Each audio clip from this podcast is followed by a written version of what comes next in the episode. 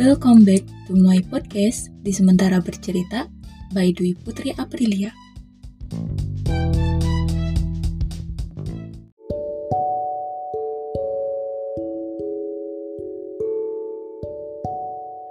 Quotes kali ini, lakukan apa yang kamu perjuangkan, lalu jadikan pengalaman kamu sebagai pembelajaran.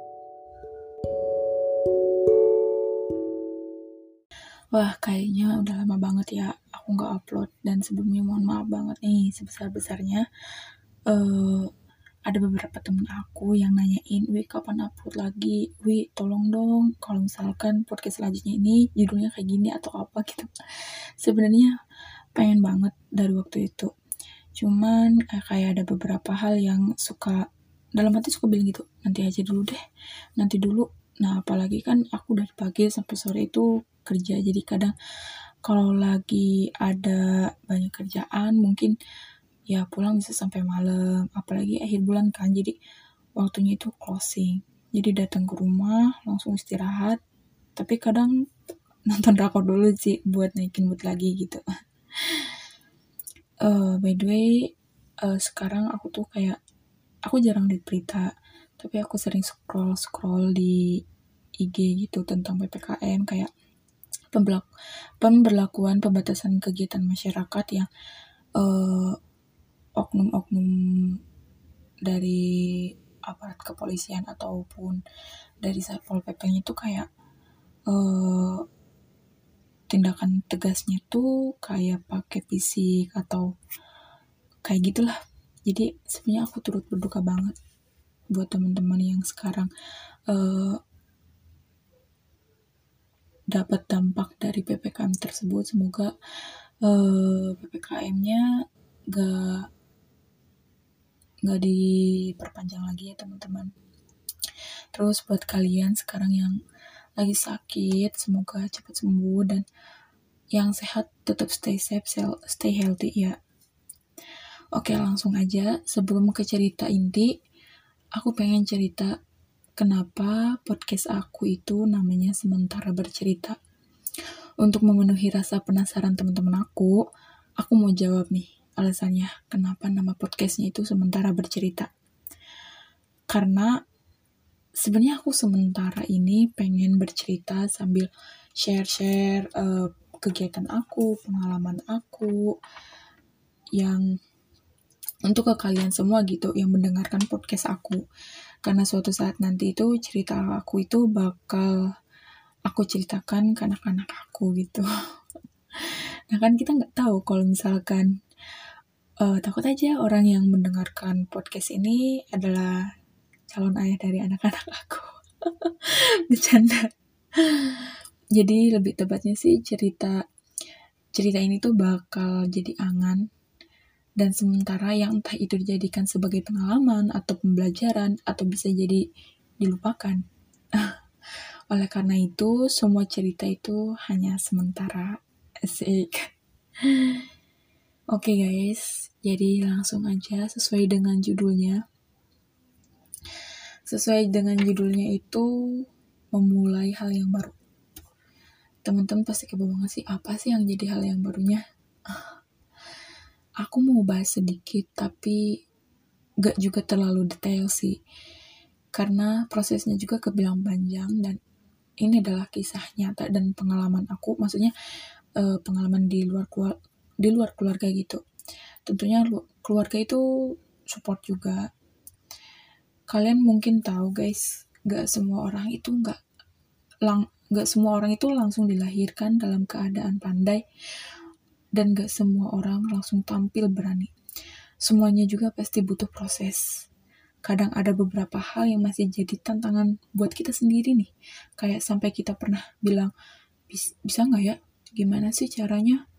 Wah kayaknya nggak bisa deh. Sebenarnya itu tuh adalah uh, sebuah proses cerminan dari bahwa tantangan tersebut tuh ada di depan mata kita. Cuman dari kitanya nih, siap atau enggak nerima tantangan itu. Dulu aku adalah tipe orang yang kayak sebelum orang nanya ke aku, aku bakal ngomong. Tapi kalau enggak ya enggak dah, enggak berani gitu. Dan itu tuh sebelum ada salah satu seorang sahabat aku di SD gitu sekaligus partner sebangku aku yang aku bersyukur banget bisa ketemu orang kayak dia awal ketemu itu karena aku suka olahraga gitu terus dia juga suka olahraga. Kayak dia di cabang olahraganya tenis aku itu di cabang olahraganya lari gitu. Jadi kadang sampai saat ini pun aku masih sering kotekan ngajak main. Dan meski kita beda SMP dan SMA mungkin dia adalah orang yang pertama yang bisa ngajak aku berkomunikasi lebih baik lagi gitu. Terus begitupun SMP sampai SMA aku ber, aku ketemu beberapa teman aku sahabat aku yang luar biasa aku sampai nggak nyangka aku bisa jadi sahabat mereka teman mereka. Dan aku bersyukur bersyukur banget guys karena uh, gak ada mereka tuh proses aku kayak proses tumbuh kembang aku tampil berani tampil uh, lebih pede lagi mungkin nggak bisa gitu. Dan selain dari keluarga aku itu mereka adalah orang-orang yang ngebantu tumbuh kembang aku gitu. Dan selain itu teman-teman ada lagi juga nih yang ngebantu uh, ngebantu aku kayak ini adalah organisasi yang ngebantu aku jauh lebih baik lagi dari sebelumnya. Yang awalnya itu aku nggak tertarik sama sekali tapi karena aku punya rasa penasaran yang besar aku sedikit memaksakan ikut organisasi supaya lingkup dan cakupan aku lebih luas gitu. Salah satunya itu organisasi ini adalah forum anak forum anak daerah. Mungkin teman-teman ada yang udah tahu gitu. Karena karena aku tinggalnya di Kuningan nih Nah, forum ini tuh disingkat atau lebih dikenalnya Foraku. Aku gabung di forum anak ini tahun 2014 kalau nggak salah. Yang awalnya aku cuma duduk aja nih dan ngedengerin sampai bener-bener nih kayak senior aku tuh kayak ngebimbing aku, teman-teman aku juga sampai banyak dibimbing supaya lebih berani gitu berpendapat, berani menyampaikan, sampai berani ngomong di depan umum. Itu semua karena poraku sebenarnya dan aku bisa dapat teman-teman, dapat ilmu yang lebih banyak lagi sampai dikasih kesempatan sebagai perwakilan. Menurut aku sih foraku adalah sumbangsih sumbangsih terbesar dalam masa anak-anak aku sampai sekarang. Dan itu adalah apresiasi dalam hidup aku sendiri. Oke guys, selain organisasi ada hal yang perlu ditekankan yaitu kita sering banyak berlatih.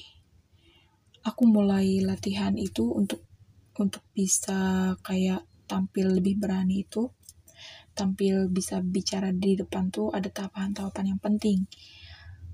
Terus misalkan kita sering berlatih kayak karena dulu kan aku pernah nih punya pengalaman pas SMA kelas 1 kalau nggak salah waktu itu tuh dan teman-teman aku tuh adalah saksi saksi dulu tuh aku pernah presentasi ngomong di depan umum tapi ternyata speed aku tuh kayak cepet banget sampai aku tuh disuruh lima kali entah enam kali itu tuh aku diulang diulang lagi presentasinya.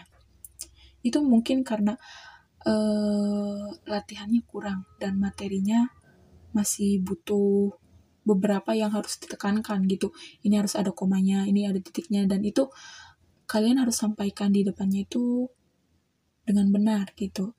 Jadi misalkan ngomong depan cermin, sebenarnya latihan-latihan yang kayak gitu tuh latihan yang kecil tapi dapat jadi peluang besar buat kamu untuk melakukannya di depan umum. Kayak ngomong di depan cermin sendiri atau kayak latihan teks komunikasi bareng teman-teman kamu atau latihan pidato ringan di hadapan teman-teman kamu. Itu ngebantu kamu jujur, ngebantu kamu banget buat tampil lebih berani, tampil pede. Kayak gitu guys. Jadi intinya aku tuh ini tuh memulai hal yang baru tuh karena dulu tuh aku agak pemalu gitu. Agak pemalu dan gak terlalu pede gitu. Sampai saat ini aku masih berproses dan aku pengen banget nih sharing ke teman-teman buat yang gak terlalu pede di, tampil di depan umum atau masih kayak malu untuk ngomong di depan umum. Kalian coba dulu hal yang baru ini. Semoga ini bermanfaat guys.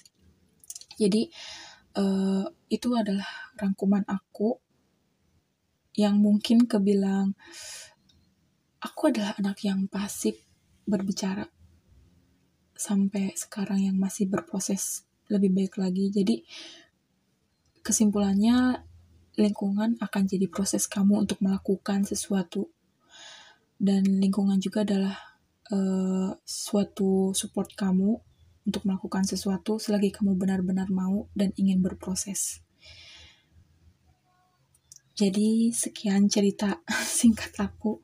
Intinya kalian harus banyak berlatih, ikut organisasi, nggak harus ikut organisasi sebenarnya kayak kalian cuman berlatih sama uh, keluarga kalian atau kok kayak ke kakak atau ke adik gitu dan punya teman-teman yang support kalian itu adalah hal yang uh, jadi tantangan buat kalian untuk melakukan hal yang baru seperti itu guys maaf banget ya ceritanya emang agak pendek ini semoga ini jadi uh, bermanfaat buat kalian semua tetap semangat Oke, sekian. Terima kasih. See you di podcast selanjutnya.